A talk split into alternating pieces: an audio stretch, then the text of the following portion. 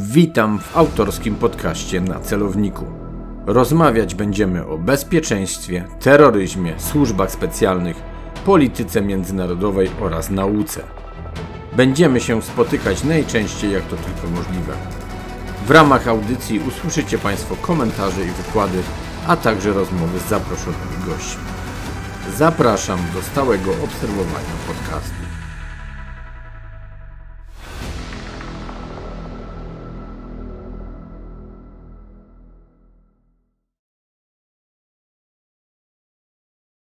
Przy mikrofonie Artur Dubiel, Wyższa Szkoła Bankowa. Podcast na celowniku to nie tylko służby specjalne, to nie tylko geopolityka czy środowisko bezpieczeństwa. To także służby mundurowe. Dzisiaj akurat będziemy rozmawiać o policji, będziemy mówić o CBS-u, o zwalczaniu przestępczości. Będziemy też mówić o karierach, niestety także tych złamanych. Moim i Państwa gościem jest nadkomisarz Marcin Miksza, znany także jako Borys. Witam serdecznie. Witam Cię, Artur, witam Państwa bardzo serdecznie. Panie nadkomisarzu, Pańska przygoda z policją rozpoczęła się i potoczyła tak naprawdę jak film sensacyjny i, i za scenariusz takiego filmu mogłaby posłużyć. Y, czy mógłby Pan słowem wstępu chociaż parę słów na ten temat powiedzieć? Wszystko zaczęło się w 1997 roku. E, wstąpiłem w szeregi policji, e, oddziały prewencji Warszawa. Następnie Komenda Powiatowa Policji Mrągowie. Tam tak naprawdę jedna sprawa, taka przełomowa, która zmieniła bieg mojej kariery zawodowej. E, uczestniczyłem, brałem udział w sprawie wykrycia sprawców zabójstwa podczas pikniku country Sprawa zrealizowana pozytywnie, udało się zatrzymać sprawców. E, współpracowałem wtedy z chłopakami z Komendy Wojewódzkiej, którzy w ramach swojego nadzoru również brali udział w tej sprawie. Dałem się poznać, tak jak sami powiedzieli, z tej dobrej strony, bardzo roboczej. Ściągnięto mnie do Komendy Wojewódzkiej Policji w Olsztynie. Tam tworzono zespół antynarkotykowy. E, z racji tego, że Olsztyn słynął z dużej ilości narkotyków, głównie heroiny. Miasto było zasypane heroiną, więc ktoś podjął decyzję o tym, że należałoby ten problem rozwiązać. No i w 2001 roku taki zespół został stworzony, trafiłem do tego zespołu. E, wspaniały okres mojej kariery zawodowej. Myślę, że najlepszy okres. Wspaniali ludzie, dynamiczna praca. E, nie było dnia, byśmy kogoś nie zatrzymali z narkotykami. Po jakimś tam okresie, nie wiem, roku czasu praktycznie wyczyściliśmy miasto z tej heroiny, no ale z racji tego, że ten zespół e, świetnie funkcjonował, realizowaliśmy swoje, swoje cele dalej. Oczywiście tutaj należy też wspomnieć o wspaniałych ludziach z Komendy Miejskiej, z którymi współpracowaliśmy. Ta współpraca naprawdę e, przebiegała bardzo fajnie. E, dostałem propozycję, że tak powiem, funkcjonowania w zespole werbunkowym miałem bardzo takiego przełożonego, wymagającego, przekonywującego, któremu się nie odmawia, z racji tego, że e, lubiłem z ludźmi pracować. Tak naprawdę całą swoją karierę zawodową przepracowałem na czynniku ludzkim. Mało siedziałem przy komputerze, e, wręcz nienawidziłem biurokracji komputera. Głównie to była praca z ludźmi, z osobowymi źródłami informacji. No i ten mój przełożony to wyłapał, że akurat mam do tego jakąś, jakiś dryk, że fajnie mi to wychodzi, no i postanowił, wtedy akurat tworzono pierwsze zespoły werbunkowe, postanowił, że powinienem do takiego zespołu dołączyć, stworzyć go razem z moim kolegą, no i tak też zaczęła się kariera e, w zespole werbunkowym. No i później Centralne Biuro Śledcze. E, ogromny ból serca przy odejściu z komendy wojewódzkiej, bo tak jak wspomniałem wcześniej, wspaniali ludzie, kapitalna, kapitalna atmosfera pracy, czuć było tą, tą, tą woń takiej typowej roboty, e, jak to się mówi, jak wchodzi się do starego szpitala i czuć tą chemię, tak samo było czuć u nas tą, ten zapach takiej typowej roboty, to była dla mnie też taka nowość, bo poznawałem te przestępstwa ciężkiego kalibru, prawda, tak mówiłem wcześniej w Rągowie, już tą, w tej sprawie zabójstwa dotknąłem tego, tej specyfiki pracy śledczej, natomiast no, komenda wojewódzka też był zupełnie inny poziom, czyli to było takie e, latanie, że tak powiem, po całym województwie, udział przy większych sprawach, człowiek czuł taką powagę sytuacji, no bo jednak byłem w komendzie wojewódzkiej, jeździłem do różnych komend miejskich, powiatowych i też oni, oni odbierali mnie już jako takiego chłopaka z wojewódzkiej, że przyjechał pod nadzorem, że przyjechał do pomocy, znaczy ja nigdy nie, nie, nie pchałem się w żaden nadzór, absolutnie, bardziej, że tak powiem, latałem z miotą i łopatą po ulicy. e, i też tak dałem się czytać tym ludziom w terenie, dlatego też fajnie nam się współpracowało. E, było to dla mnie bardzo miłe, gdy wieczorami czy, czy, czy w jakichś innych porach dnia dostawałem telefon od komendanta czy naczelnika danej komendy powiatowej czy, czy miejskiej z prośbą o przyjazd, że mają problem, że trzeba go rozwiązać i od razu pakowaliśmy się z chłopakami w samochód, jechaliśmy do tego miasta i w miarę oczywiście swoich możliwości rozwiązywaliśmy ten kłopot, a bynajmniej staraliśmy się go rozwiązać przy fajnej współpracy z lokalną jednostką. E, także tak jak powiedziałem, o ten odejście z komendy wojewódzkiej to był dla mnie ogromny ból, tak jak rozstanie z taką pierwszą miłością większą. E, to, to było coś niesamowitego, aczkolwiek e, też mój szef, który tworzył ten zespół narkotykowy w komendzie wojewódzkiej, do której trafiłem, on właśnie odszedł tym wcześniej do CBS-u i to on tak naprawdę namawiał mnie w jakimś stopniu, bym, bym do tego CBS-u przeszedł i to tak forma zaufania, forma lojalności, szacunku przede wszystkim, bo miałem do Krzysztofa i zresztą go mam cały czas, mimo tego, że jesteśmy na emeryturze, niesamowity szacunek jako człowieka, jako przełożonego, e, powodowała, że zgodziłem się na przejście do tego Centralnego Biura Śledczego. E, no, realia okazały się smutniejsze niż, niż sobie to wyobrażałem. Wyobrażałem sobie naprawdę elitarną jednostkę, w zupełności okazało się zupełnie inaczej. E, no ale, ale zaczęliśmy tam z młodymi chłopakami, którzy w tym samym okresie trafili do Cebesiu, e, że tak powiem, rozwijać skrzydła, robić jakieś roboty e, przy wsparciu niektórych kolegów bardziej doświadczonych. Zaczęło to fajnie hulać. Zaczęliśmy fajne roboty robić, narkotykowe, w głównej mierze grubego kalibru, nie były to jakieś tam gramy, czy kilo, czy dwa narkotyku, to już wchodziły większe ilości w grę. Po jakimś czasie pojawiły się laboratoria amfetaminy, za chwilę pojawiły się duże plantacje marihuany, no i zaczęliśmy jakoś tam tą robotę sobie rozkręcać, ale w tym czasie też pracowałem, e, przeszedłem z komendy wojewódzkiej do Centralnego Biura Śledczego, do zespołu werbunkowego, czyli tutaj tak naprawdę nie powinienem zajmować się prowadzeniem stricte spraw operacyjnych, natomiast ja z zamiłowania i pasji e, w zespole, bo zostałem w późniejszym czasie koordynatorem tego zespołu, kierownikiem takim jednak polecałem ludziom, by, by te formy pracy operacyjnej były prowadzone. I było tak, że akurat e, zespół 4-5 osobowy e, werbunkowy realizował lepsze sprawy, zabezpieczał większej ilości narkotyków niż cały Wydział Narkotykowy w Olsztynie. Eee, no i po prostu to też spowodowało, że zwróciliśmy na siebie uwagę, e, zwróciłem na siebie uwagę jako lider tego zespołu, gdzieś tam wyżej. No i po jakimś czasie, z racji tego, że naczelnik tamtejszego wydziału oczywiście nie mam zamiaru tam się źle nie wypowiadać, ale no nie miał zbyt wielkiego zielonego pojęcia o robocie. Tu wtedy pojawiły się takie pierwsze symptomy nepotyzmu w policji, na które, na które widziałem i którymi niestety musiałem się godzić, ale to nie człowiek nie ma na to wpływu. Eee, został zdjęty z tego stanowiska. E, uzasadnienie było bardzo proste. Skoro ma czas na pisanie tam książek, doktoratów, a nie ma czasu na robotę, to niech się zajmie pisaniem książek. No i dostałem tą propozycję bycia naczelnikiem. E, to był dla mnie zaszczyt ogromny, że mogę kierować takim zespołem. No, nie chodziło stricte o karierę tak naprawdę. Chodziło o to, że mogę stworzyć sobie zespół, skoro potrafię zarządzać jakimś tam zespołem 4-5 osobowym, który realizuje się świetnie w terenie, który ma niesamowite wyniki, E, no to pomyślałem sobie, że będę mógł również zarządzać większą, większą komórką, większym zasobem ludzkim. No i tak też się zaczęło moja przygoda jako naczelnika e, Wydziału, że tak to określę, w cudzysłowie antynarkotykowego. Tak naprawdę nazywa to się Zespół do Zwalczania Zorganizowanej Przestępczości e, Narkotykowej.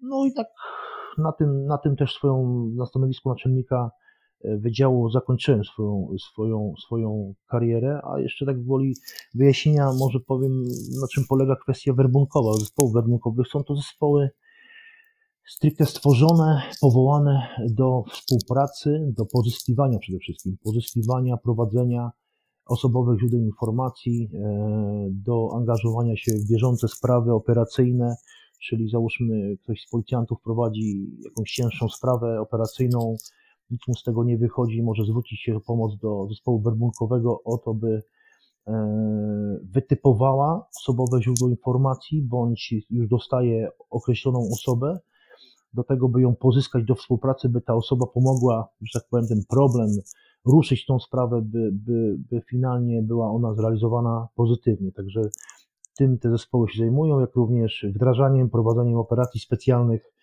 e, w komórkach Komendy Wojewódzkiej, bo też one tam funkcjonują cały czas i w Centralnym Biurze Śledczym. Trafiają tam ludzie wyselekcjonowani. E, wcześniej wiem, że były to dużo, dużo dłuższe kursy. Selekcja była bardziej taka rygorystyczna, e, dużo osób odpadało. E, no wiadomo, to jest, tak jak powiedziałem wcześniej, to jest praca na czynniku ludzkim. E, to nie jest kwestia komputera, odpalasz, włączasz, wyłączasz i, i to funkcjonuje, czy tam można coś skasować. Każdy błąd to jest na wagę złota tak naprawdę, no bo rozmawiamy z człowiekiem, pozyskujemy go, opracowujemy go. Pewnych sytuacji, które się zdarzyły, zda, już miały miejsce, nastąpiły, nie da się cofnąć Mm, tu też kwestia umiejętności wyprowadzenia e, sytuacji z błędu i tak dalej. No, jest to bardzo ciężka robota, przede wszystkim ciężka i ryzykowna, bo to jest balansowanie na krawędzi. Także tu tak pokrótce chciałem wytłumaczyć, na czym polega e, kwestia, kwestia zespołów werbunkowych. No właśnie, bo tak naprawdę, panie nadkomisarzu, uprzedził pan trochę jedno z moich kolejnych pytań. Przepraszam. E, nic się nie stało oczywiście, ale na pewno chciałem, e, aby właśnie przedstawić tak naprawdę, czym są, e, czym są te zespoły werbunkowe. Mm, trochę może uproszczając, czy tak naprawdę możemy powiedzieć, że są te takie wyspecjalizowane grupy, e, które zajmują się tak naprawdę kontaktem ze światem przestępczym, tak? Bo jednak Y, chcą nawiązać y, współpracę i czynią to też w sposób aktywny, aby pozyskać taką osobę, która będzie, brzydko mówiąc, ale jednak sprzedawała pewne informacje, które potem w tej pracy policyjnej mogą się przydać. Czy dobrze to rozumiemy?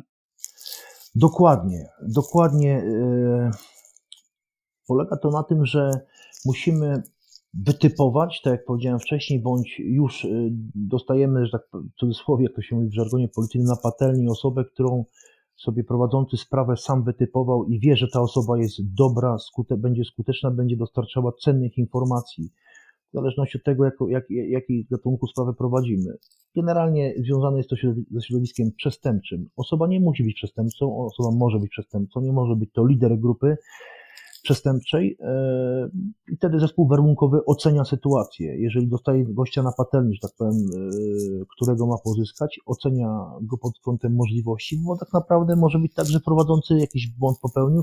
To jest kwestia wzajemnej relacji, współpracy e, policjanta werbunkowego z policjantem prowadzącym sprawę sprawę operacyjną. No i opracowa- klient jest opracowywany pod kątem pozyskania i tak jego zadaniem jest to, by donosić na kolegów, na środowisko, na towarzystwo, yy, tak by sprawa, która, która jest prowadzona, miała swój pozytywny finał. Dużo w tym zapewne jest także psychologii, tak? Jak tego człowieka podejść.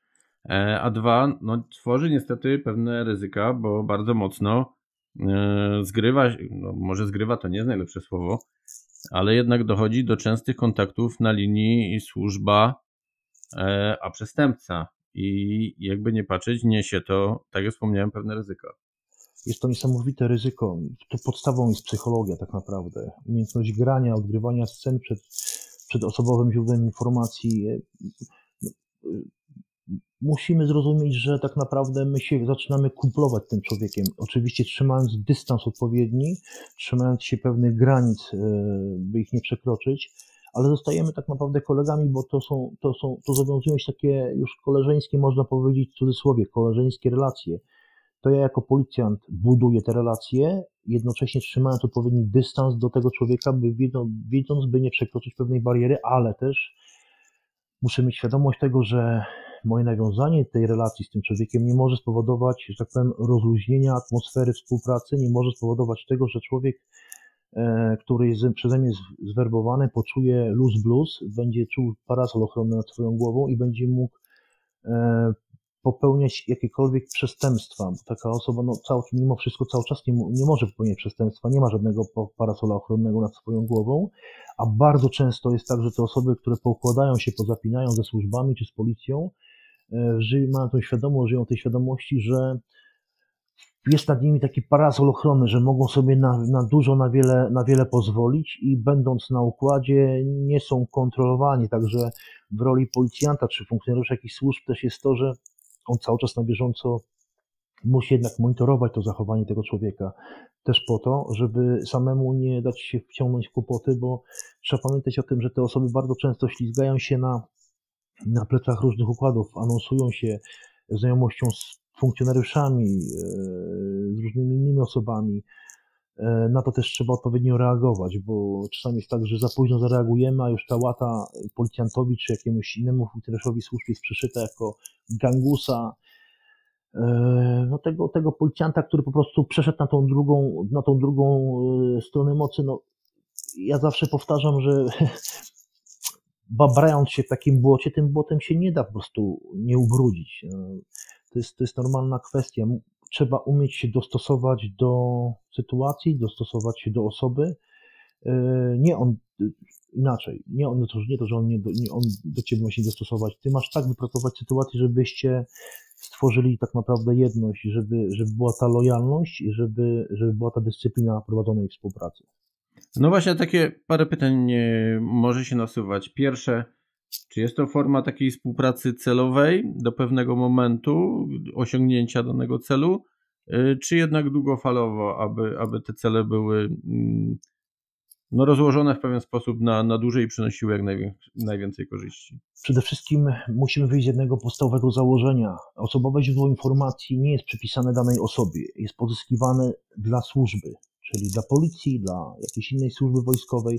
To nie jest prywatne, prywatne narzędzie do pracy policjanta. Skupmy się na policji, ok? Będę mówił to w żargonie w odniesieniu do policji.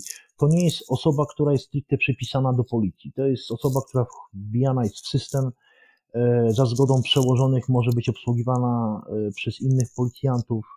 E, nie jest to prywatne narzędzie, tak jak powiedziałem wcześniej, policjanta, który, który ma go sobie przypisanego, może sobie go robić. W praktyce jest tak, że jednak ten policjant ma cały czas z tym kontakt. Z prostej przyczyny, to on go pozyskuje, on go prowadzi, on buduje te relacje, on buduje zaufanie i ta osoba się do niego przywiązuje, przede wszystkim pod względem zaufania. To jest bardzo ważne, kwestia zaufania, kwestia budowania bezpieczeństwa spotkań, bezpieczeństwa prowadzenia, bezpieczeństwa realizacji różnych zadań, bezpieczeństwa realizacji różnych czynności. Eee, i to buduje tak naprawdę relacje między osobą prowadzącą, a tym osobowym źródłem e, informacji. A ta relacja to faktycznie jest taka forma trochę przyjaźni, udawanej przyjaźni. Jak to tak naprawdę wygląda? Różnie. Różnie.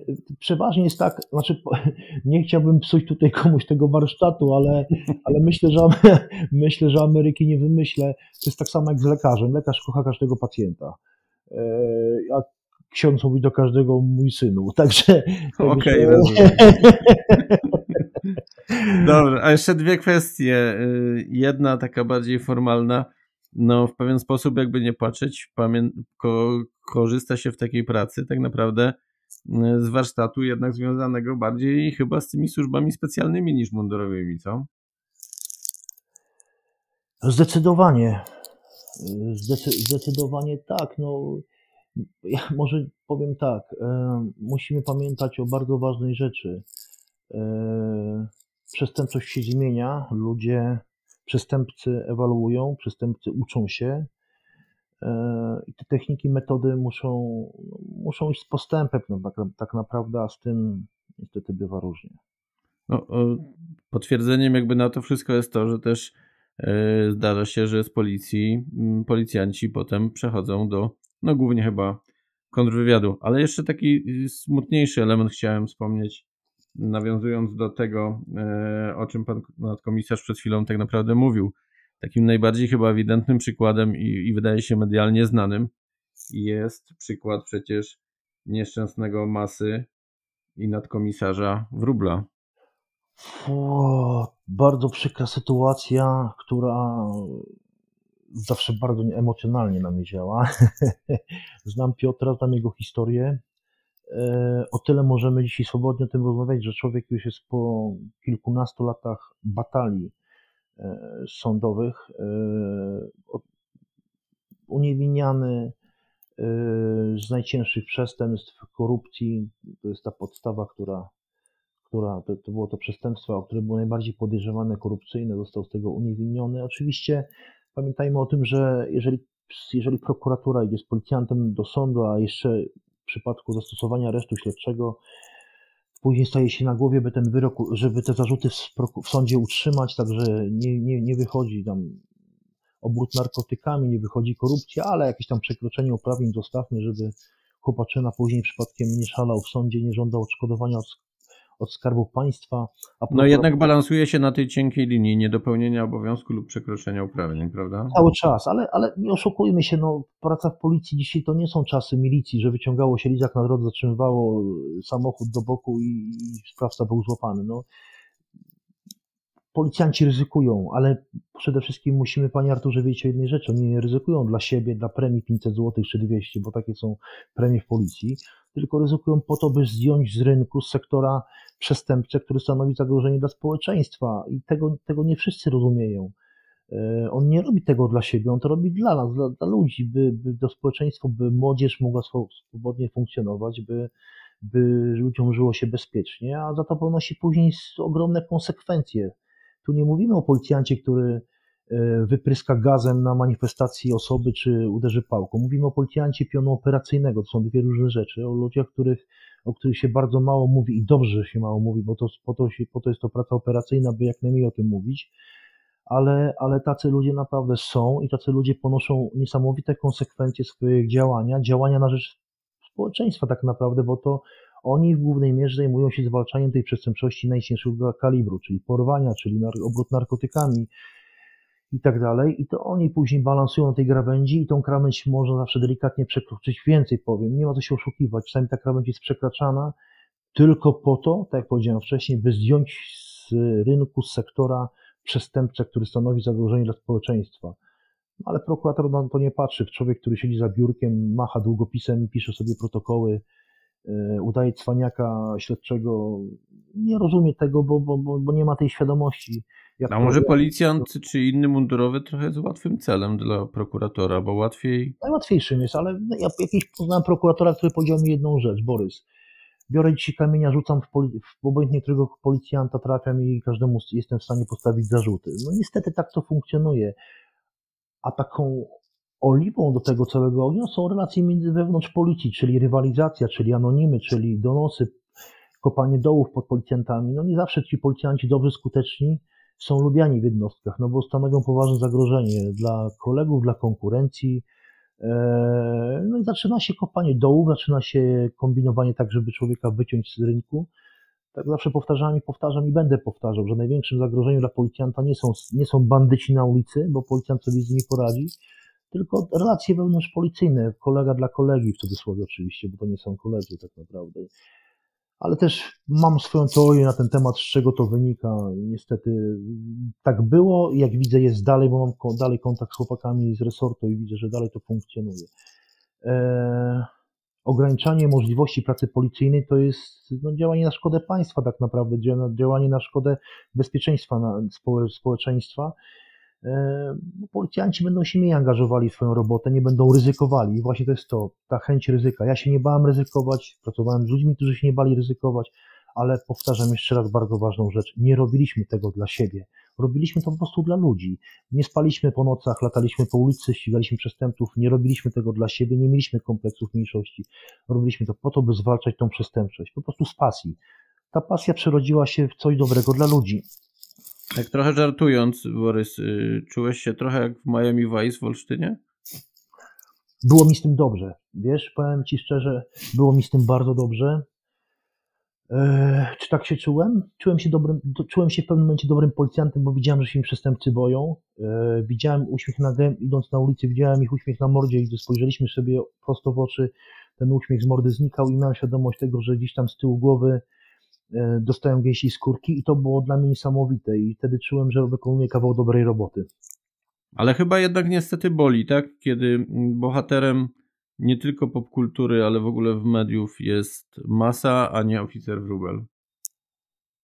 E, zdecydowanie, ale ja, ja w też dużej mierze za to winię może nie samych e, reżyserów, którzy kręcą o tym bajki, tylko w dużej mierze media, że właśnie nie kreują takich ludzi, e, nie pokazują tych szlachetnych wartości policjantów w mediach, tylko właśnie skupiają się na jakichś plackach, e, miśkach czy jakichś tam innych wynalazkach, nie wiem, nie, nie, nie, nie jestem w stanie tego zrozumieć. Później jest wielki ból, płacz, lament, że dochodzi do poważnych przestępstw i tak dalej, gdzie tak naprawdę kreuje się, czy to boli, niesamowicie to boli, bo to jest bardzo przykre i to jest, to jest chore. Ja widzę, że w innych państwach potrafią fajnie pokazywać e, bohaterów e, w mundurach, natomiast w Polsce, no nie wiem z czego to wynika. To jest kiepskie. Kiepsko to wygląda. Zwłaszcza, że tak naprawdę ludzie, może nie będę mówił szczegółów, ale oglądając te filmy i znając niektórych ludzi, no to jest wszystko strasznie przerysowane nie, nie jest pokazana pełna prawda no, o tych ludziach, no ale to tylko chyba po to, żeby zrobić jakieś tam wielkie mity do tych ludzi. Okej, okay, zostawmy to jeszcze do paru elementów, może z tą popkulturą e, za chwilę wrócimy. Mm, były mniejsze jednostki e, w twojej karierze, była komenda wojewódzka, był CBŚ, był zespół werbunkowy. Na pewno, jak sam podkreślasz, przygoda pozytywna, ciekawa, inspirująca, może i ryzykowna, ale dająca e, satysfakcję. E, no muszę niestety o co zapytać, no ta końcówka to już bardziej nie był jak film sensacyjny, ale przez elementy kryminalne wręcz poszedł w stronę thrillera albo nawet i horroru, co? Masz na myśli zakończenie mojej pracy w policji, tak? No, jakby nie patrzeć, y, część osób przypuszczam, że niestety mm, kojarzy pana nadkomisarza przez to, że pojawiały się pewne informacje, pewne informacje w mediach. Może zacznę od tego, że e, nigdy nie spodziewałem się, że stanę w sądzie przed wymiarem sprawiedliwości za ściganie przestępców. E, różne myśli człowiekowi do głowy przychodzą. Ja byłem zawsze realistą e, tego, co się dzieje wokół mnie i miałem świadomość tego, że wyjadę na realizację, nie wiem, oczywiście nie będę też robił siły Jamesa Bonda, nie wiem, pociągnę za spust, czy użyję za mocno siły i to się skończy jakimś dramatem, jakąś taką sytuacją, która spowoduje, że będę musiał zdjąć mundur i odejść do cywila, natomiast nigdy nie sądziłem, że prokuratura e, postawi mnie w akt oskarżenia przed sądem za ściganie e, bandytów. No ale tak jak powiedziałem wcześniej, to wszystko się zrodziło od no, takich wewnętrznych relacji policyjnych, czyli nie wykończyli nas stricte przestępcy, a wykończyli nas policjanci. O tyle jest to przykre, że nie wiem, czy prokuratura do końca, może, może już dzisiaj tak, zdaje sobie sprawę z tego, co zrobiła, aczkolwiek już jest na takim stanowisku, że musi brnąć do końca, musi w to pójść. E, no, no. Trochę jak z masą chyba, co? Ciężko się teraz wycofać i przyznać do pewnych rzeczy. To jest przykre, ale wiesz co, muszę Ci powiedzieć, że w dużej mierze winie za to obecne kierownictwo Centralnego Biura Śledczego i byłego szefa, który już jest w stanie spoczynku, który sobie awansował do stopnia generała, poszedł do cywila. E, ja sobie nie wyobrażam przede wszystkim, by nie stanąć po stronie swoich ludzi. E, a u nas tak się stało. Wbito nam nóż w plecy, oszukano nas, e, inaczej ze mną rozmawiano. Tu nie chodziło o zamiatanie sprawy pod dywan, bo tu nie ma czego zamiatać i i na pewno ta sprawa nie będzie zamieciona pod dywan. Nie robię też tego dla siebie, tylko dla policjantów, którzy jeszcze są w służbie, dlatego w jakimś tam stopniu głośno jest o tej sprawie w mediach, bo to jest bardzo ważna rzecz. Ludzie sobie to bagatelizują, ale jeżeli chcemy mieć silne państwo, bezpieczne państwo, to właśnie musimy dbać o tych policjantów, którzy o to bezpieczeństwo dbają, o tych, którzy tych bandytów ścigają, ale jeżeli w ten sposób traktuje się ludzi, którzy poświęcają swoje zdrowie, rodzinę, czas, e, to żyjemy w chorym państwie i należy z tym walczyć, należy to pokazywać. To jest moje zdanie, że no trzeba, trzeba to wypalać i trzeba o tym mówić głośno. Ogłoszono nam zarzuty wprowadzenia do obrotu znacznych ilości narkotyków, e, działanie wysokiej społecznej szkodliwości czynu. Sytuacja dla mnie w ogóle niezrozumiała.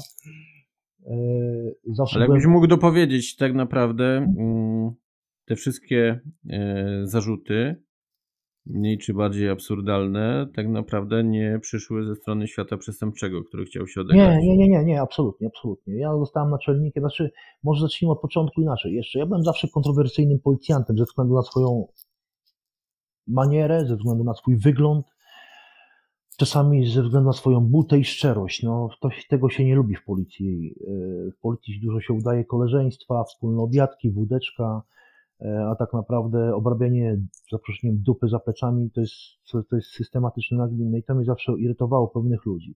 No i przez to budujesz sobie jakieś tam negatywne relacje u swoich kolegów, naczelników czy innych rzeczy, osób.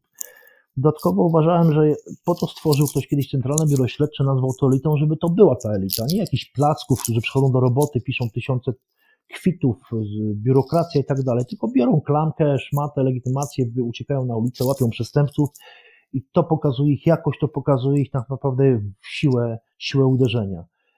Eee, no i to się ludziom nie podobało, że takim człowiekiem jestem. Eee, ktoś kiedyś powiedział mi, że niepotrzebnie ludzi kreślę swoją miarą za dużo latam, biegam, krzyczę, no, ale no, taką mam osobowość po prostu i to dla mnie najważniejsze było jedno, że byłem skuteczny. No i nagle y, ten, ta lokomotywa zostaje zatrzymana, zostaje wezwany do prokuratury. Po jakimś czasie dowiaduje się, że byłem niesamowicie skorumpowanym policjantem, który przyjmował y, duże ilości. musisz dzisiaj bogato żyć. Tak, tak, tak. Tak. A trochę podsumowując, jeszcze wracając do tej literności, no ją się raczej wypracowuje niż określa. O właśnie. Na papierze, tak? No to o, o, o sile jednostki stanowią ludzie, nie jej nazwa. To, to od tego trzeba zacząć, tak? Jeżeli, jeżeli jest silna ręka przywódcy, jeżeli człowieka, który potrafi pogonić ludzi do roboty, zmotywować ich do roboty, no nazwę to pogonić oczywiście, bo, bo naprawdę to jest tak rozbuchane towarzystwo, że trzeba umieć y, przekonać do tego, by się do roboty ludzie wzięli. E, to trzeba po prostu tyrać, orać, no po to jesteśmy, tak? Ja z tego założenia wychodziłem, skoro ja potrafię nie spać nocy, potrafię za, zawalić kwestie z dziećmi, z osobami bliskimi, to dlaczego, to dlaczego ktoś inny ma tego nie zrobić? No ale mówię, nie wszystkim to się podobało. E, byli ludzie, którzy brali dobre pieniądze za umycie samochodu, zapisanie pięknych notatek, a tak naprawdę nic za tym nie szło. Jasne, rozumiem. Dobrze. Dzisiaj dużo tak naprawdę porównań filmowych. E, stąd też nie przypadek tytułu odcinka to nie był film. E, porównań do filmu dzisiaj, e, jak wspomniałem, dość sporo. No po odejściu ze służby pan nadkomisarz wiązał się trochę z filmem, tak? Przyznam, że akurat produkcję taką oglądałem, wcześniej nie miałem nawet o tym pojęcia, ale gdzieś wyszukując, pogłębiając wiedzę tak naprawdę na temat pana nadkomisarza, na takie informacje trafiłem. E, produkcja, rzekłbym, nad wyraz e, udana, dość e, pozytywne recenzje, trochę elementów też takich psychologicznych. Nie jestem pewny, ale zdaje się, że nawet gdzieś została także sprzedana poza, poza polskie granice. Czy parę słów na temat tej przygody, czy ona taka epizodyczna, czy jednak trwa, czy zespoły filmowe w ogóle tak naprawdę konsultantów chcą słuchać, bo bardzo często niestety słyszy się w filmach, kiedy policjant przychodzi, już nie mówię, kiedy są tworzone zespoły typu gliniarz i prokurator na wzór amerykański, razem chodzą po ulicy i pracują i przychodzi policjant do, do jakiejś bandyty i mówi jesteś aresztowany. Nie? No, nie wydaje się, żeby w tym momencie konsultant brał udział przy filmie, no, albo go po prostu nie posłuchano. Stąd pytanie, czy faktycznie te zespoły chcą tych konsultantów słuchać. Na pewno też koledzy anty, czy właściwie kontrterroryści idą w te elementy związane z kaskaderką, czy, czy y, byciem statystami, chociaż to może brzydko brzmi y, w scenach, kiedy dochodzi do realizacji, do, do zatrzymań. Jak to z tym filmem jako rozrywką wyglądało w Twoim przypadku? Przede wszystkim niesamowite przeżycie i to, to był dla mnie zaszczyt, że pan reżyser Maciek Pieprzyca zwrócił się z prośbą o... Nie byle kto. Tak, tak, tak, dokładnie. Zwrócił się z prośbą o jakąś tam współpracę, o pomoc przy realizacji drugiej części y, serialu Kruk. E, oczywiście zgodziłem się bez wahania, prawda, nie, co prawda nie mając żadnego pojęcia o tym, jak to wygląda, na czym będzie to polegało, co będę musiał robić, ale y, zgodziłem się na to. Y, niesamowita, niesamowita przygoda. pracowałem z nim przy tym scenariuszu do filmu, przy tych głównie scenach policyjnych. Dużo pozmieniałem, e, co też sprawiało mi ogromną satysfakcję i co na mnie robiło niesamowite wrażenie, niesamowita kultura, niesamowity szacunek względem mojej osoby ze strony Macieja. E, doceniał moje doświadczenie, doceniał zaangażowanie w, tą, w, ten, w realizację tego projektu. E, to było czuć. Później pojawienie się na planie filmowym, rekomendowanie mnie, przedstawianie, naprawdę ogromny szacunek ze strony aktorów, ze strony Maćka, ze strony całej, całej, ca, całej ekipy telewizyjnej, no to było coś niesamowitego. To było coś niesamowitego. E, będziemy realizowali trzecią część, także myślę, że mam nadzieję. Taką, to chciałem usłyszeć. mam nadzieję, że również będę wciągnięty w ten projekt, e, bo po dwójce byli bardzo zadowoleni. E, zaangażowania, z wyników, z oglądalności i z tego, jak to się wszystko poukładało, z relacji na planie między mną a, a aktorami, między mną a reżyserami. Także trójkę będziemy, będą realizowali. Mam nadzieję, że będę miał ten zaszczyt, że będę w trzeciej części również uczestniczył. E, Może jakiś mały epizod, chociaż rola drugoplanowa odstrzelonego gangusa. No może nie. Nie, no bo chciałbym nagrać kolejnych, żartuję. Zobaczymy, co z tego będzie. Pomysły są różne, ale to na razie nie będziemy o tym może rozmawiali, bo, bo żeby nie spalić pewnych tematów. W każdym bądź razie, do czego zmierzam, e, czy korzystają? Tak, korzystają. To jest bardzo fajne, że ludzie, którzy odchodzą do cywila z bagażem niesamowitym doświadczenia, kontrterroryści, wspaniali ludzie, naprawdę są wykorzystywani do, tego, do realizacji tego typu projektów, wtedy te filmy wydają się bardziej, są bardziej realistyczne, oczywiście w miarę możliwości finansowych reżysera, na tyle, na ile on sobie może pozwolić, ale już te filmy się Polski inaczej ogląda, czyli to nie jest za na zasadzie W11, że tam po dwóch dniach sprawa wychodzi, jest realizowana, kwestia pracy bronią, kwestia taktyki, kwestia rozmowy, kwestia całego procesu śledczego. Widać ten, widać ten kunszt policyjny i to jest bardzo fajne, że że, że wytwórnie filmowe korzystają z pomocy e, tych ludzi i jak powiedziałem wcześniej, to się lepiej ogląda. Ja sam oglądałem wiele, wiele filmów e, naszych narodowych, no i nie do końca one były takie, że powiem, dopracowane, fajne. Natomiast to już powoli zaczyna się wszystko fajniej kręcić. Zdaje się, że przyszło to z zachodu, by nie powiedzieć, że z Hollywoodu, ale gdzie mm, film, który ma być naprawdę profesjonalny, czy serial, tak, bo teraz to jest chyba najlepszy produkt, e, jednak e, próbuje się robić, aby faktycznie oddawały jak, e, jak najbardziej rzeczywisty obraz danej sytuacji, bo to nie tylko zespoły scenarzystów, ale właśnie takich osób chociażby jak w Twoim przypadku, od najprostszych rzeczy typu trzymanie broni, jej dobycie tak. czy przeładowanie, tak. E, po ostatnie jakieś formalne kwestie dotyczące prowadzenia sprawy, jak to, jak to faktycznie. Tak, kwestia, kwestia, e, logist, kwestie logistyczne, funkcjonowanie jednostki, kwestia wizualna pomieszczenia służbowego. To są bardzo ważne rzeczy, na które nie wszyscy zwracali wcześniej uwagę, natomiast tutaj te elementy staraliśmy się na tyle, na ile to jest możliwe pod względem budżetowym dopracować. No, no, ja starałem się zadbać o każdy szczegół. Kwestia pracy na, z bronią, kwestia poruszania się po pomieszczeniach, kwestia, e, tak powiedziałem wcześniej, rozmowy z podejrzanym czy z każdą inną osobą, kwestia dialogów różnych słów, zwrotów, stwierdzeń. E, no to są bardzo ważne rzeczy, na które widz zwraca szczególną uwagę. No język musi być jednak fachowy, tak, fachowy tak, i precyzyjny, no, tak? Dokładnie. Natomiast, natomiast pamiętać trzeba o tym, że przed telewizorami głównie do takich filmów e, siadają mundurowi bądź byli mundurowi. To oni tak naprawdę e, oceniają, czy, czy produkcja jest dobra, czy słaba, z tego względu, że znają ten kunszt, znają ten warsztat i wiedzą, jak to wszystko funkcjonuje. Z drugiej strony chyba jednak są w mniejszości, nie? I to naprawdę nie do końca dla nich te filmy są robione. Aczkolwiek lubimy zawsze oglądać te filmy, które w jakiś tam sposób mniej lub bardziej nas dotykają. Zaciekawiło mnie to, co mm, powiedziałeś też chociażby o pomieszczeniu, o wyposażeniu i przypomniała mi się taka sytuacja, nawet nie wiem, czy nie skruka, jak gdzieś tam mm, na, na prowincji yy, widać te pomieszczenia służbowe, no i tak czasem człowiek trochę pusto, ale jednak się uśmiecha, bo, bo, bo kojarzy niestety smutne, smutne realia. Ale dobrze, Borysie, ja myślę, że jeszcze kiedyś do, yy, wrócimy do tych elementów związanych Znaczy, u mnie to jeszcze, wiesz, jeszcze wejdę słowo u mnie, to tak. u mnie o tyle ten jest problem, że jakby to powiedzieć, żeby to źle nie zabrzmiało, dzisiaj są walentynki. Jestem, czuję się silny, czuję się w dobrej kondycji i mam świadomość tego, że jeszcze dużo mógłbym zrobić dla ojczyzny, a świadomość tego, że już nie mogę, e, bo zostało mi to odebrane, tym bardziej powoduje, że unikam tego typu filmów i wchodząc na plan serialu Kruk, widząc broń, widząc e, pomieszczenia służbowe, no nie ukrywam, że tam gdzieś z tyłu głowy i wokół, z tyłu głowy rodziły się myśli, ja tak, dokładnie, że sam bym dziś jeszcze wziął tą klamkę, polatał po ulicy i tą sprawę zrealizował. Dlatego to tak się odbiera.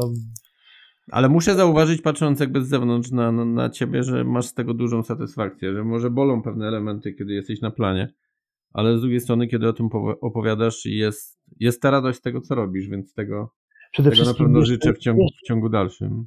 Dziękuję bardzo. Przede wszystkim, wiesz, powiem Ci tak, ja z racji tego, że byłem człowiekiem, jak powiedziałem wcześniej, kontrowersyjnym, nielubianym przez środowiska przestępcze niektórych policjantów w racji szczerości swojej, wiele osób liczyło na to, że położę się, nie wiem, zapiję, wejdę w jakieś grupy przestępcze, zrobię cokolwiek złego, by mi te nogi się pokręciły całkowicie, a najlepiej, gdyby jeszcze człowiek spędził swoje kilka lat życia w zakładzie jakimś karnym.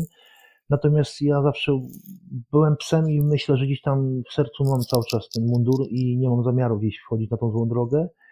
I o tyle właśnie fajne jest to, że ktoś to zauważył, że można skorzystać z mojego doświadczenia i w ten sposób się dzisiaj realizuje, czy też opowiadając o pewnych sytuacjach policyjnych w mediach, gdzie człowiek bazuje na doświadczeniu, może nie dodaje ideologii do prostoty, używam prostego chłopskiego języka, bo myślę, że takim tylko można dotrzeć do ludzi.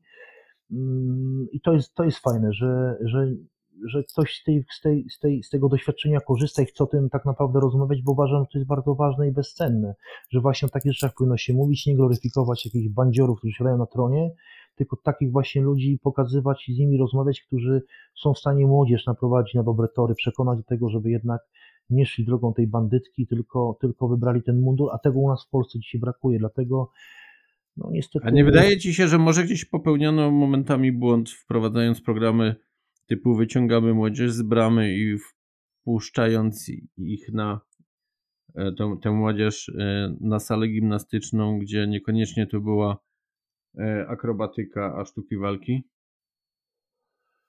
Na pewno. Na pewno, tylko, tylko dając im większą swobodę funkcjonowania, wolność takiego wyboru, nie, niemożliwość ukierunkowania, powodujemy to, że jednak nie do końca oni dokonują tych słusznych wyborów. E, Brak autorytetów.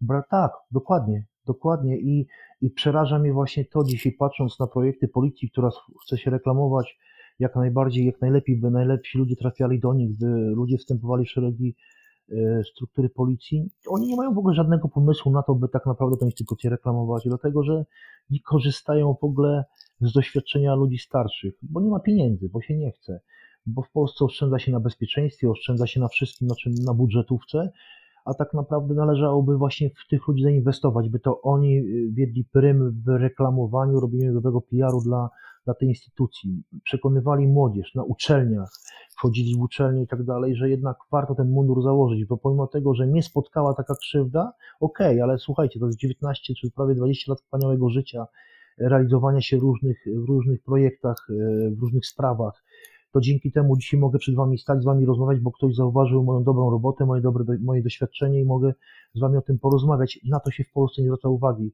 U nas się jedzie hashtagiem murem za polskim mundurem, odwracasz się do tyłu, a tam się okazuje, że jest smród, zgnilizna, człowiek człowiekowi nóż w plecy wbije, e, kłótnie właśnie, spory, nepotyzm, który prześladuje polską policję, układy, relacje koleżeńskie, e, awanse, nie wiadomo jakie, to, to, to jest, jest, kłóci się ze sobą, taki typo, ty, typowa hipokryzja, która ze sobą się kłóci, która nic nie ma do wspólnego z dobrem dla polskiego munduru, która przekona tych ludzi, by w ten mundur, w szeregi tej struktury, w ten mundur założyli, w te szeregi tej struktury wchodzili. No rozumiem, że chodzi tak naprawdę o to, że w każdym środowisku są e, czarne owce, ale są też te środowiska, które powinny być wyjątkowo białe, że tak powiem. Ja coś ci powiem, Artur. Ja sam pracowałem w strukturze policyjnej, w środowisku policyjnym, gdzie mieliśmy różnych policjantów. E, trzy czwarte to byli pasjonaci, jedna czwarta to byli dyletanci i ludzie poukładani na mieście. My nie potrzebowaliśmy biura spraw wewnętrznych czy inspektoratu, żeby się wyczyścić. Po prostu takie sprawy załatwiliśmy sami. Dobra, dobrzy policjanci, dobra komórka, dobry zespół sam się wyczyści i będzie stanowił niesamowitą siłę uderzenia w bandytów. Jasne. Tylko po prostu trzeba umieć to zbudować. Trzeba pokazać ludziom właśnie te autorytety, że warto być fajnym psem, warto poświęcić swoje życie i uzmysławiać to ludziom przede wszystkim. Dzisiaj ludzie idą na skróty, e, szukają łatwego pieniądza, szpiego pieniądza, a to, to, też, to też jest pokłosie wielu, wielu, wielu sytuacji, wielu przyczyn, także, no ale to temat rzeka. Jasne, bo tutaj tak naprawdę jeszcze można by się odnieść do tego, co mówiłeś, chociażby o uczelniach. Ja bym poszedł jeszcze poziom niżej, bo przecież mamy klasy mundurowe o różnym profilu. Mamy też podobne studia i to na państwowych uczelniach, na prywatnych, czego jestem też gdzieś przykładem. I taka też ciekawa obserwacja, że nie przychodzą wcale osoby, które, mm, znaczy inaczej, część z nich wcale nie myśli o tym, żeby ten e, mundur e, przywdziać, aczkolwiek e, pozytyw jeden widzę, że patrzą na za, za tematykę bezpieczeństwa jako, jako coś szerszego. Ale chciałbym Cię jeszcze zapytać i się odnieść do tego, co przed chwilą też poruszyłeś, czyli kwestia tak naprawdę promowania służby, bycia w służbie. Przecież jakby nie patrzeć, e, serial podobny trochę do twojego, ale inny, e, czyli Wataha e, o Straży Granicznej, fantastycznie przełożył się na ilość osób chętnych do służby. Oczywiście, film filmem, rzeczywistość rzeczywistością, różne stanowiska i działania często mają się nijak do tego, co się widzi w filmie, albo jest to naprawdę maleńki wycinek tej działalności. Ale tak naprawdę, jak się dobrze zastanowić, to najwięcej chyba tych filmów, także w Polsce i seriali, powstało o policji. Czy nie czujesz, że ten kapitał w jakiś sposób jest trochę zmarnowany? Wiesz co? To, to, to, są, to są filmy kręcone takie inaczej. To jest słaby materiał. Okay, rozumiem. Słaby materiał, który nie pokazuje rzeczywistości. Jedynym filmem świetnym, znaczy no, oczywiście oprócz Kruka, żeby nie było, e, pierwszym filmem o tematyce policyjnej, który oglądałem, który świetnie się oglądało, to była pierwsza część Pitbulla.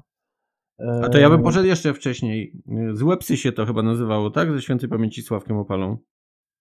E, tak, tak, tak, ale wiesz, mi, mi akurat Pitbull utkwił, bo, mhm. bo świetnie się to oglądało, bo pokazywało takie babranie się.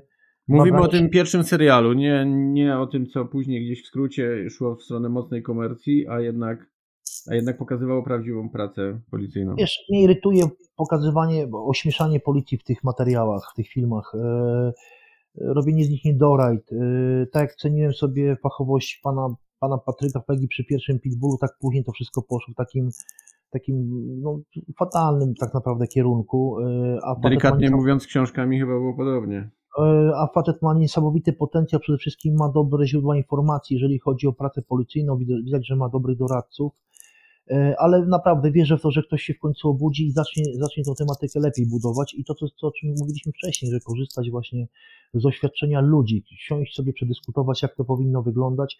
Ja pamiętam, jak zaczęliśmy z Maciejem realizować, czy wszedłem w ten projekt scenariusza i zobaczyłem sceny związane z policją i powiedziałem, Maćku, kręcisz komedię, czy kręcisz film kryminalny? To musimy się mhm. nad tym głęboko zastanowić i zaczęliśmy nad tym fajnie, super pracować i, i myślę, że tak to właśnie powinno wyglądać. Dzisiaj wiem, że gro policjantów, kolegów, E, bierze udział w tych projektach i ja liczę na to, że w końcu to się zmieni i będzie pokazywało prawdziwe oblicze polskiej policji, e, tej kryminalnej, bo to myślę, że głównie na tym się skupiają wątki, wątki filmów o tematyce e, kryminalno-policyjnej.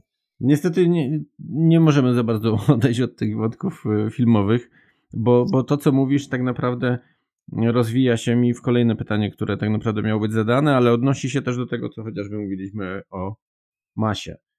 No bo jak też spojrzeć na, na, na pewne produkcje, również te nasze e, polskie, gdzie właśnie bohaterami są przestępcy, bohaterami są pseudokibice, mm, filmy emocjonujące oczywiście, wadka akcja i tak dalej, ale chyba można mieć pewien dysonans, tak? Patrząc na, na to właśnie, czy to jednak rozrywka, czy to jest ta popkultura, przecież świadomie czy nie, taki widz Y, jakby nie patrzeć, w pewien sposób utożsamia się z bohaterem takiego filmu. wręcz mu przed tym ekranem kibicuje. Nie buduje to też pozytywnego obrazu mundurowego.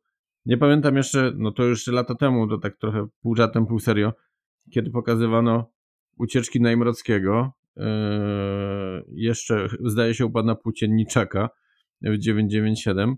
Yy, I tak naprawdę ludzie kibicowali nie milicjantom, a, a właśnie Najmrockiemu. Dzisiaj praktycznie na ekranach mamy film właśnie o nim, czyli Najmro. Mamy film o, o, o Nikosiu, yy, o ustawkach pseudokibiców. No i zastanówmy się też tak naprawdę, kto na te filmy chodzi i jak to jest z tym budowaniem właśnie pozytywnego obrazu mundurowego. Znaczy ja powiem dwie rzeczy tylko tak naprawdę, odnosząc się do tego, co powiedziałeś. E, pierwsza rzecz, o ja oglądałem film o Najmrockim Ziśku, brakuje mi jednego wątku, bardzo ważnego wątku, e, znaczy dwóch, przepraszam, dwóch wątków. Pierwszego, że sprzedał swoją matkę, wystawił ją z bronią, o tym, o tym się nie mówi, gdzie król złodziei, wielki bohater wystawił własną matkę. Nam chodziło o kwestię związaną z tym, że e, podczas jednej z ucieczek ukradł policjantowi, zabrał policjantowi broń palną służbową.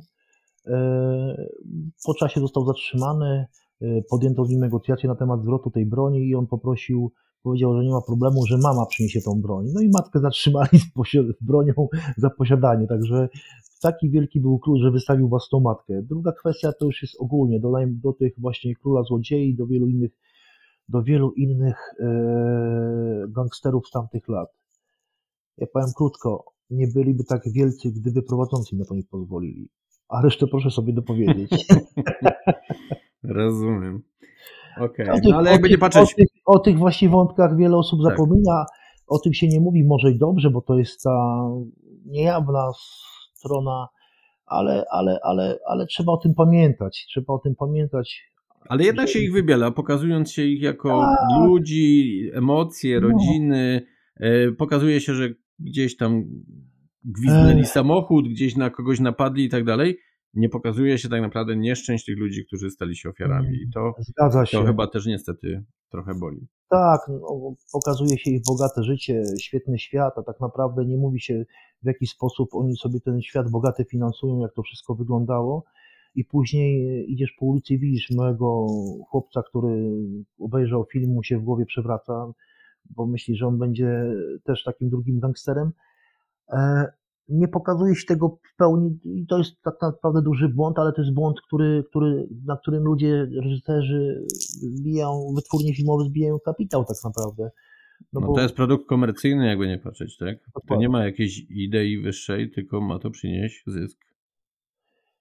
Mówiąc krótko, jest to bardzo przekłamane i tak jak powiedziałem wcześniej, że gdyby nie zgoda prowadzącego, to gangsterzy nie byliby tak wielcy. I niech to będzie podsumowaniem tego wątku. Tak. Dziękuję. Wróćmy do świata rzeczywistego. Powiedz mi oczywiście w Twojej opinii, policja, inne służby są w stanie skutecznie walczyć z przestępczością, zwłaszcza tą zorganizowaną? Bardzo ciężkie pytanie, muszę przyznać. Pamiętajmy, trzeba pamiętać o, trzeba pamiętać o jednej bardzo ważnej rzeczy, że zmienia się pokolenie policjantów. Y, Przestępców też, bo za chwilę o tym będziemy jeszcze mówić. Tak, tylko przecież pamiętajmy, że ci starzy przestępcy, patrzę ostatnio Welbos, może nie będę wymieniał nazwiska, nie będę mhm. reklamował, y, wraca na tron, czyli ta stara gwardia wraca, ta stara gwardia gdzieś tam sobie rzeźbi swoje klimaty. Y, czy sobie radzi? Ja chcę wierzyć, że tak jest. No dobrze, to może trochę uzupełnię pytanie. Bo ta przestępczość, ta przestępczość się zmienia, tak? Globalizacja, transgraniczność, transsektorowość. To mhm. wszystko przecież ma wpływ zapewne na ewolucję przestępczości, a skoro przestępczości, to i samych przestępców. Artur, odpowiedź będzie bardzo prosta. To wszystko zależy od jednostki osobowej policjanta, od tego, czy, nie, czy podejmie się ryzyka, nie będzie się bał z nimi walczyć. Nie, nie, nie określajmy tego, czy Centralne Biuro Śledcze sobie poradzi, czy poradzi sobie Wydział Kryminalny Komendy Wojewódzkiej, bo tak naprawdę to jednostka policji, policyjna, policjant zajmuje się prowadzeniem swojej sprawy. Pytanie, czy nie będzie bał się pozyskać osobowego źródła informacji, by informa uzyskać informacje na temat grupy przestępczej, czy nie będzie bał się stosować ofensywnych metod pracy operacyjnej, tak by, by, by zająć się i roz, rozbić tą grupę od wewnątrz, czy nie będzie bał się balansować na tej granicy, która właśnie spowoduje to, że będzie bliższy pozytywnego sfinalizowania sprawy. To są podstawowe pytania, na które należy sobie powiedzieć. A ja po części tę odpowiedź znam, bo sam to przeszedłem w swoim życiu. Niestety, policjanci z dużą obawą podchodzą do swojej roboty. Boją się zaryzykować z różnych względów, bo wiedzą, że bandyci cię nie wykończą, a wykończą cię właśnie, was, wykończy cię własny kolega. To jest kwestia chociażby stosowania kontroli operacyjnej. Dzisiaj dużo się mówi na temat środków Pegasusa, czy Harnasiów, czy tak. innych rzeczy. Czytam wiele rzeczy na temat stosowania kontroli operacyjnej. Sam się do tych kwestii odnoszę, skoro już ktoś ten temat porusza. Natomiast trzeba pamiętać o jednej bardzo ważnej rzeczy mielenie tego tematu na Twitterze, w internecie, gdziekolwiek, czytając pewnych ludzi, którzy nie mają tym zielonego pojęcia, się wypowiadają, jest niesamowitą szkodą dla organów ścigania, dla pracy operacyjnej, dla ludzi przede wszystkim, którzy pracują ofensywnie dzisiaj na linii. Na to nikt szczególnej uwagi nie zwraca. Ok, w porządku, stwórzcie sobie komisję niejawną, e, rozpatrujcie sobie, czy pewne kontrole były stosowane, czy nie, ale na Boga, to jest bezpieczeństwo funkcjonariuszy, którzy pracują na rzecz państwa polskiego, na rzecz społeczeństwa. I to jest moja odpowiedź. Czy dzisiaj są w stanie z, tym z tą przestępczością walczyć? E, chciałbym w to wierzyć, że tak jest. Serce i głowa odpowiada mi, że nie. Z czego to wynika? Właśnie z tego, o czym powiedziałem. Obawa przed ryzykiem i wypatroszenie wszystkich możliwych stosowanych przez służby metod pracy operacyjnej. Doskonale dzisiaj to ująłeś bandyci również się zmieniają, oni się uczą. Dokładnie tak. To nie są stare czasy, że brał telefon komórkowy, ustawiał się na transakcje. To nie są stare czasy, że brał telefon, dzwonił do Holandii, umawiał się z gościem na dostawę marihuany. Dzisiaj ludzie mają świadomość tego, że są podsłuchiwani. Dzisiaj ludzie mają świadomość tego, że policja stosuje różne techniki. Ale Policja... przecież prowadzą nawet działalność kontrwykrywczą, tak? Uczą się tak naprawdę warsztatu. Bandyci, no choć, choćby zobacz y, grupy pseudokibicowskie. To są, to, są, to są, można powiedzieć, instytucje, które mają swoje komórki, które zajmują się rozpracowywaniem policji. Wywiadem i rozpracowywaniem, dokładnie. Używają tak naprawdę narzędzi stosowanych eee... przez służby mundurowe i specjalne. Zgadza się. I to kwestia jest tylko taka, że tam więcej zarabiają niż w policji ludzie zarabiają za swoją fachowość. Nie, nie no, to są dwie abstrakcyjne rzeczy tak naprawdę. Dobra, a skoro tak idziemy już w stronę trochę mm, polityki, ale nie będziemy oczywiście przesadzać tymi kwestiami, chciałem zapytać, jak to było z tą prawdziwą mafią? Prawdziwą mafią, czyli mam tu e, na myśli nie to, że ktoś jest z miasta, a to, że jest powiązanie z samorządem czy z rządem, z organami decyzyjnymi. To ta mafia to u nas była na pewno, a jest jeszcze dalej? Ja myślę, że dalej te relacje są, one muszą być. Budowanie tych relacji z samorządami, budowanie z tymi ludźmi, którzy siedzą na stołkach. Yy... Czyli trochę tak jak w waszym przypadku, policja z przestępcami też się ima, nie? Tak. Tak, tak, tak. Okej, okay, a tak w ramach trochę ciekawostki, żeby nie pytanie, było... Tylko chwila, żebyśmy się dobrze mm -hmm. rozumieli. Pytanie, jakie korzyści z tego wynikają, nie? A to inna rzecz. A to inna rzecz. No właśnie. Dobrze, bo tak idziemy trochę na chwilę w stronę lat 90. Jak to było z tymi przysłowiowymi oczywiście ruskimi? E, tutaj sobie sami radziliście, czy trochę opieraliście się gdzieś na współpracy? Nie wiem, Interpol, Europol, inne, inne służby, służby zagraniczne? Wiesz co, w większości własnymi rękoma. E, to była mozolna rzemieślnicza praca tak naprawdę. E, Bo oni też trochę byli rzemieślnikami od pewnych zadań, nie?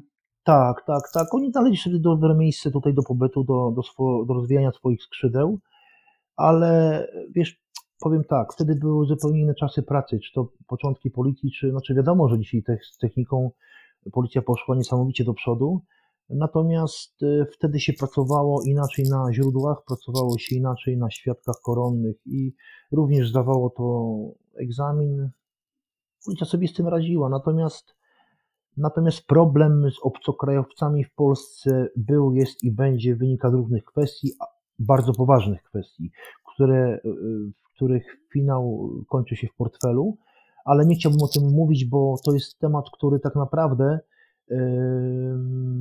stanowi dużą szkodę dla organów ścigania. My cały czas mamy problem z obcokrajowcami w Polsce i z ich zwalczaniem. E, a wynika to tylko tak naprawdę, jak powiedziałem, z pewnego, pewnej przyczyny, której finał znajduje się w portfelu, czyli brak funduszy, oszczędzanie na bezpieczeństwie, to jest największy problem. E, nie mówimy tutaj o kupieniu pałki dla policjanta, przyłbicy, tarczy, mówimy tutaj o stosowaniu ofensywnych metod pracy operacyjnej e, i wszystkim tym, co jest z tym związane. Policja nie ma takiego funduszu jak ma CBA, żeby wyciosać sobie na operacji specjalnej czy na na jakieś inne czynności miliona złotych w ciągu miesiąca czy pięciu milionów.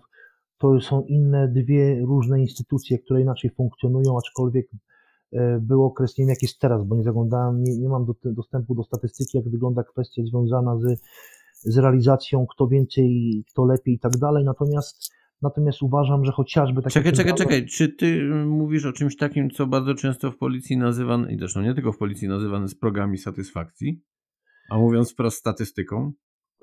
Tak. Okej. Okay. Dobrze, słuchaj, jesteśmy w tych latach 90. i, i e, w sumie poniekąd już o tych rzeczach trochę powiedzieliśmy, ale no inaczej wygląda trochę przestępczość dzisiaj, inaczej wyglądała wtedy. E, wpływ na tę zmianę mają oczywiście i same środowiska przestępcze, ale i zmieniające się czasy i też rozwój technologii, różnych usług, więc pole do popisu również inne.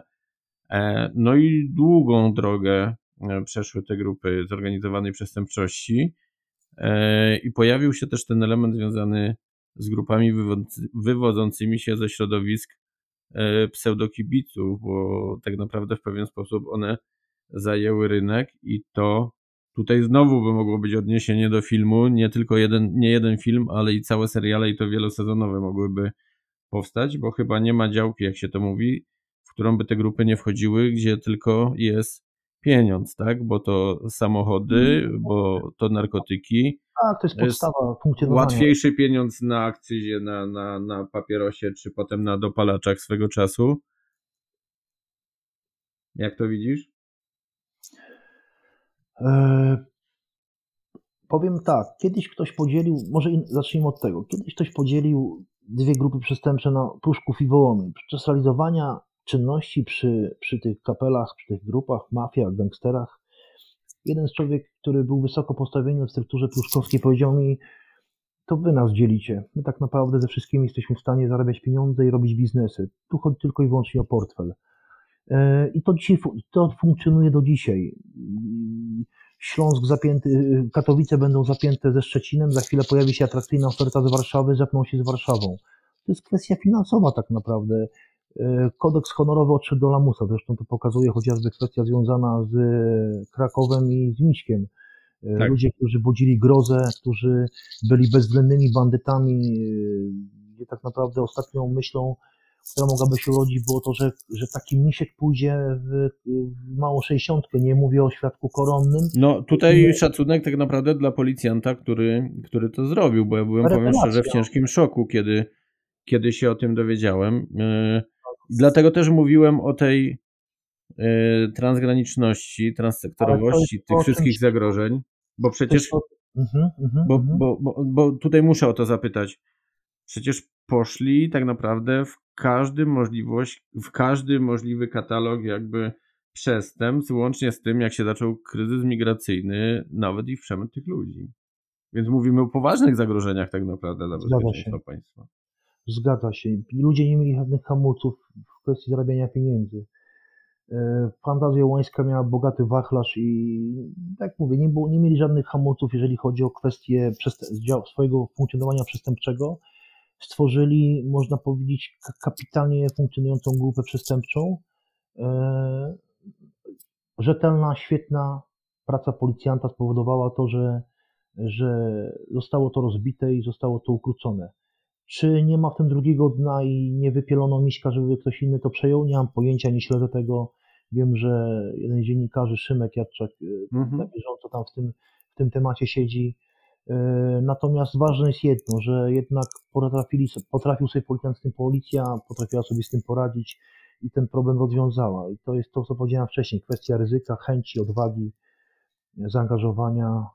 A propos jeszcze redaktora Jadczeka, taki mm, przypomniał mi się kiedyś program z nim i zapytał jednego z wysoko postawionych policjantów, chyba zresztą też z CBS-u, nie pamiętam, też nazwiska nie chcę zresztą pokłamać. Mhm ale zapytano, dlaczego na, zwłaszcza w Krakowie, tej przestępczości nie rozbito tak jak w reszcie kraju.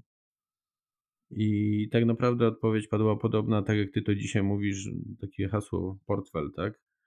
Mm, myślę, że też niestety wiele mówi.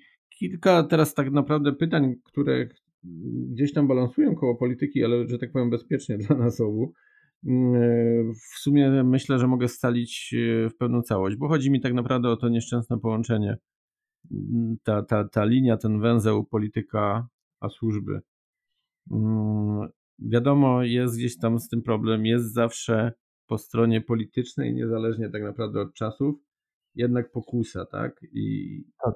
i tego nie unikniemy, nie unikniemy, nie unikniemy nigdy.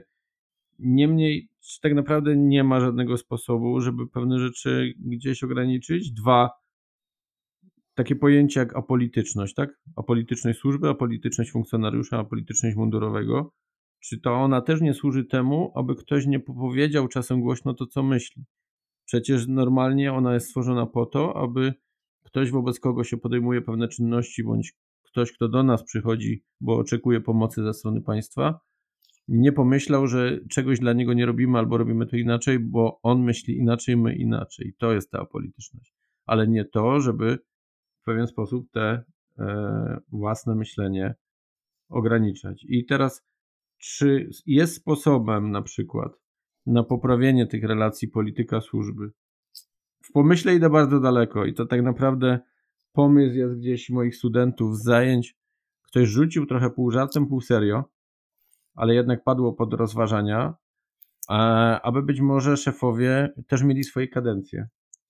Tak jak w paru innych instytucjach, łącznie z instytucjami kontroli państwowej, aby taki szef miał spokój, że jest w pewien sposób niezależny. Oczywiście podlegałby też kontroli nadzorowi, co, co jest oczywiste i, i wręcz logiczne, ale jednak y, miałby, miałby pewien komfort działania i mógłby faktycznie egzekwować właściwe funkcjonowanie swojej służby.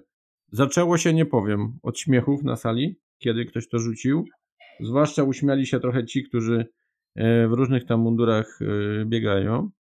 Ale potem, tak z upływem czasu i, i kiedy trochę przeanalizowaliśmy te pomysły, rozpisaliśmy pewne za i przeciw i omówiliśmy je rozbiliśmy wręcz na, na pewne mm, jakby czynniki pierwsze. Zrobiło się całkiem, no może poważnie to za duże słowo, ale na pewno po niektórych było widać takie no dość, dość szczególne zamyślenie i chyba zastanawianie się, czy faktycznie nie mogłoby być inaczej. Jest według Ciebie mm, niezależność polityczna, nie mówię o innej, e, ale jednak polityczna niezależność służb? Czy jest to utopia, czy jednak coś, do czego powinniśmy dążyć i są na to rozwiązania?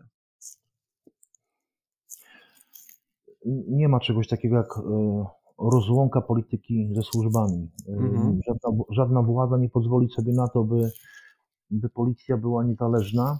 E, nie mówimy tu tylko o policji, tak? O wszelkich służbach, służbach mundurowych, specjalnych, ogólnie tak, resortach tak, tak, ja się odnoszę do, do komórki, w której pracowałem nie, ma, nie, nie, nie wchodzi w ogóle to w grę absolutnie. Nie wyobrażam sobie, e, by ktoś e, z władzy, e, która rządzi, ludzi, którzy są przy, przy, przy władzy dzisiaj, pozwolił na to, by da, służby były poza ich kontrolą, poza, poza tym, co się dzieje, kogo słuchają, jakie materiały zbierają i tak dalej. No zresztą, co my, o czym my tu mówimy, dzisiejsze czasy są tego dobitnym przykładem. Kwestia związana z Pegasusem, kwestia związana z CBA, tak? E, instytucja stricte wykorzystywana do, do, do, do walki politycznej, jak przez wszystkich, przez wiele osób e, jest to e, określane. Teraz sobie wyobraź niezależność służby poza kontrolą władzy. Myślę, nie poza kontrolą, nie poza kontrolą, bo pod kontrolą i nadzorem na pewno, ale jednak polityczna niezależność pozwalająca na nieobawianie się podejmowaniu pewnych decyzji i, i, działań. Nie ma takiej opcji. Wiele spraw w rejonie, w terenie, o czym się nie mówi, jest y, uwalanych ze względu na jakieś koligacje, relacje. Mhm. E, nie mówimy tu o tych, o których jest głośno w mediach. E, to są sprawy miast powiatowych, y, miasteczek mniejszych, gdzie, gdzie są różne relacje między komendantami, między, między prokuraturą, między, między różnymi tam prominentami lokalnymi, także nie wchodzi to absolutnie w grę. Jeżeli chodzi o kwestię kadencyjności, odpowiedź moja jest bardzo prosta. E, jak sobie to wyobrażasz? Kto zadba o bezpieczeństwo wywiadowcze dla takiego szefa, gdzie e, facet poza kontrolą e, partii rządzącej zarządzał będzie instytucją, komórką, która, która może zgromadzić materiały na każdego. To będzie tak w sytuacji z panem Banasiem. Szukanie dziury w całym, filetowanie go na każdym kroku. W Polsce nie wchodzi to w grę, nie jesteśmy na to przygotowani w mojej ocenie. Nie, ma, nie, nie, nie jesteśmy na tyle rozwinięci, by uszanować tą apolityczność, by, by to na normalnych torach biegło. Czyli polityka ponad wszystko. Tak uważam, to jest moje zdanie. I takie, takie wiesz, patrio- propagandowe pierdzielenie na ten temat, że jednak nie, że to jest zupełnie inaczej, jest kłamstwo, buda, e, nie ma czegoś takiego, to było w Polsce, jest w Polsce i myślę, że będzie w Polsce. E, to jest przesiąknięte do szpiku kości, od najmniejszej wioski do największej te relacje zawsze gdzieś są. E, a w mojej ocenie powinno być zupełnie inaczej. Jeżeli ktoś dopuścił się czegoś złego, służba zajmuje się nim, filetuje go tak jak zwykłego obywatela, nie ma żadnej taryfy ulgowej. No niestety u nas to funkcjonuje inaczej, a taki kadencyjność wsiądzie sobie komendant czy szef danego, danej instytucji na stołku i myślę, że za chwilę zacznie się filetowanie go, szukanie haków na niego moralno-obyczajowych, czy jakimś tam innych, tak tylko po to, żeby go zniechęcić do tego, by na tym stołku dalej sobie wygodnie siedział i posadzi się takiego, że będzie w cudzysłowie apolityczny, a mimo wszystko na telefon. Nadkomisarz Marcin Miksza, były policjant, były funkcjonariusz Centralnego Biura Śledczego, był moim i Państwa gościem. Mam tą cichą nadzieję, że tak jak obiecał, pojawi się jeszcze u nas niejednokrotnie i będziemy rozmawiać może iż węziej niż szerzej i na pewno głębiej na różne e, tematy. Dziękuję serdecznie za dzisiaj. Wszystkiego dobrego. Do usłyszenia. Dziękuję również wszystkich. Bardzo serdecznie pozdrawiam. Dziękuję za rozmowę. Do usłyszenia. Kieruj się w stronę podcastu na celowniku. Wszystkie odcinki podcastu na celowniku dostępne są w platformach podcastowych Spotify, Apple Podcast, Google Podcast, Anchor, a także w serwisie YouTube. Zapraszam również do wspierania podcastu na celowniku w portalu Patronite pod adresem patronite.pl ukośnik na celowniku.